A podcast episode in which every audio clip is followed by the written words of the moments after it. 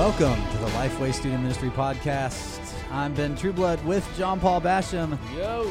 We are excited to spend another episode with you as we continue in our podcast mini series on recruiting and creating great volunteers. So, so far in the series, we've covered casting vision, we've covered stepping volunteers into leadership and creating that pathway for them that puts them in the best fit spot for them. We've also talked about expectations being clear, communicating them up front and throughout the volunteer process, which leads us to number four, best described by the following statement one year to win the next four. So here's the reality it takes so much work to recruit a volunteer, train a volunteer, launch them, develop them along the way, that to lose them after one year is heartbreaking. It's so frustrating. It is.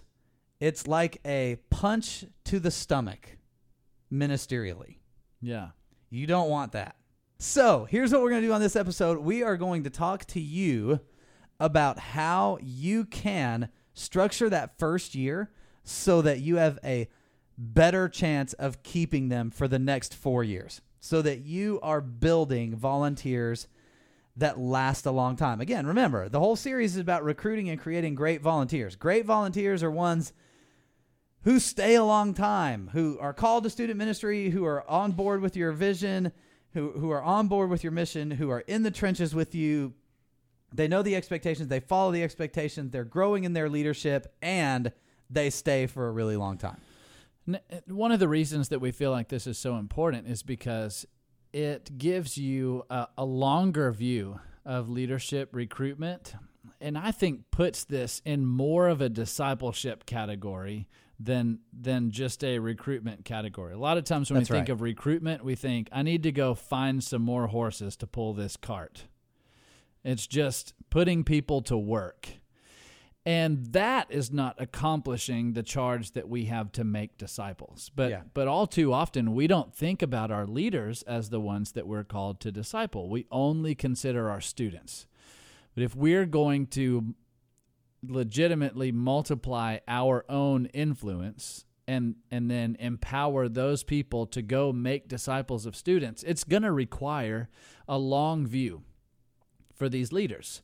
So if you consider that whole first year period, however long it takes you, if it's a two month recruitment process to get them onboarded, add that first year to that. And that first year really is uh, teaching them the, the ins and outs of your ministry, uh, making that that mission and vision that you cast right at the beginning a part of the way that they process ministry Yeah. getting them to that place where they can articulate that vision and not just spit it back to you if you ask them if they know what you're about but that they can contextualize that vision to the students that they're ministering to uh, under your leadership and so that just takes time the other part in stepping them into leadership means that there's going to be some time for them to grow into a leadership opportunity.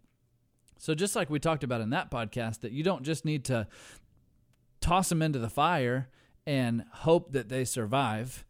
Uh, here, this part of this one year strategy is that you've got one year to develop them and groom them for ultimately what you see uh, God doing through them in, in the ministry. Yeah.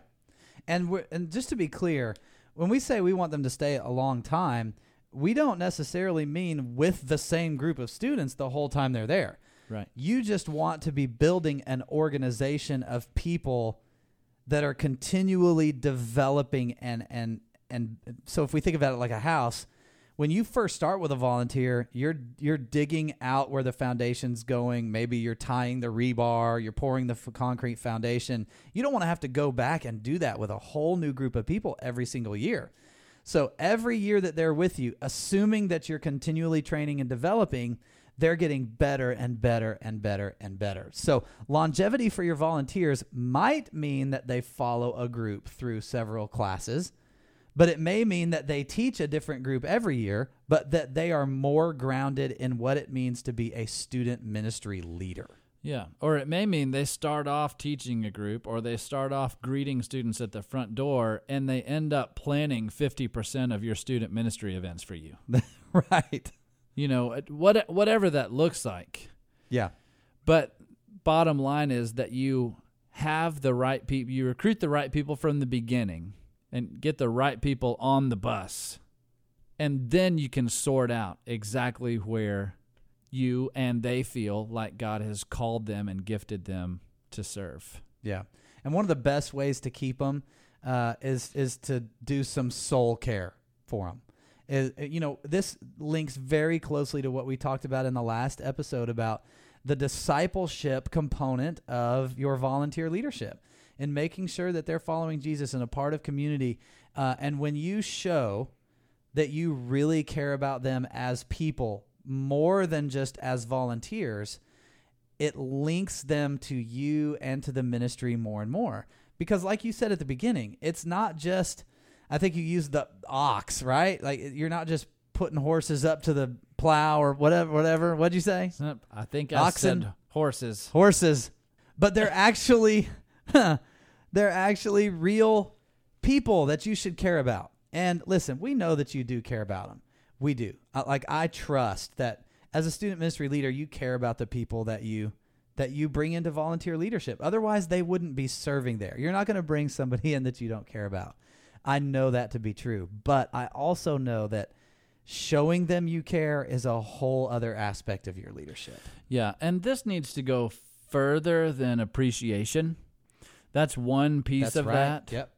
It needs to lean into what are you doing to provide, and I think Ben, you you touched on this. What what are you doing to provide community for those leaders? More than likely, they left some kind of community to come serve in your ministry. This is That's right. taking up time if they weren't serving anywhere before this is taking up time that they were probably being poured into elsewhere so how are you making sure? In that soul care uh, equation how are you providing community for them? How are you connecting them to other leaders? How are you uh, making sure to to remain aware of what their life actually looks like? What are they going through? What's it like at home? How's their job?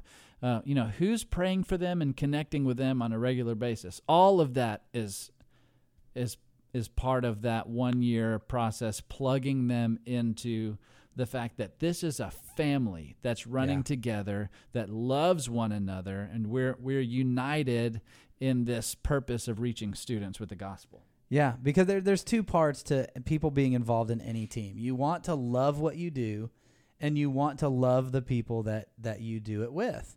That's the same thing in work, in your job. It's the same thing in volunteer leadership. They want to love the people that they get to do this with. So you providing environments where they can connect with each other as leaders and where you can connect with them and care for them is an essential part of them staying around. You use the word family, and I don't think that's too much of a reach. I think that's the right word to use here. yeah totally agree So, along with that, so there's the soul care part of helping them stay. What's another piece of that? So just training for the practical ministry that they're doing is is a piece that seems incredibly obvious, but we're always getting the question of how do I train my volunteers? What resources do you have to help me train my volunteers? Just the week in and week out. Hey, if you're on our guest services team, here are some things that you need to be reminded of. Here's some things that we can do. Here's what the expectations are for this. If you are teaching a small group, here's some tips on how students learn. Here's one way to guide conversation back to where it needs to be when you rabbit trail. Uh, even here's how to use the curriculum that that we're using. You know, we hear from from a lot of student pastors you know i need some help teaching my leaders how to use bible studies for life or the gospel project or explore the bible. And so training them in all the elements that are in the the leader guide of that curriculum and how do you use this and how, how does this relate to the personal study guide that, that the students are looking at? All of those things even sometimes are things that you may have said six or seven times already. But those reminders are always good. If here's just the basics of your ministry role and how to do it well, and here's an encouragement and maybe one tip to be to be better at it as you go. Yeah. So you've got to continue developing them as they come on board. You know, we've said it in every episode in this series, but getting them to sign on is only the beginning. You've got to continue to train, continue to develop. And you might be asking at this point, uh, you're saying that in order to recruit and create great volunteers and to have them that, you know, I'm supposed to win them in this year, so I have them for the next four. I'm supposed to disciple them. I'm supposed to care for their soul. I'm supposed to help them find community. I'm supposed to keep training and developing, like all these things. Where am I going to find time to do that eh, when I'm supposed to be developing and discipling all these teenagers? It sounds like you're saying that the majority of my role needs to be directed towards volunteer leaders. Boom. And that's exactly what we're saying. Not at the neglect of teenagers, but think of it like this you can only legitimately disciple by yourself a handful of teenagers anyway. So do that and then spend a great chunk of your time developing leaders, recruiting leaders, casting vision to leaders, and providing these opportunities that we've talked about, the soul care part of leaders. Because when you've cared for the souls of your leaders, they're going to be able to care for exponentially more teenagers than you would be by yourself. So, yes, that is what we're saying. That's why we're spending an entire week, five episodes in a row, talking about recruiting and creating great volunteers. We've got one more left. It's going to be a good one. So come back, tune in, the final episode of this series. See ya.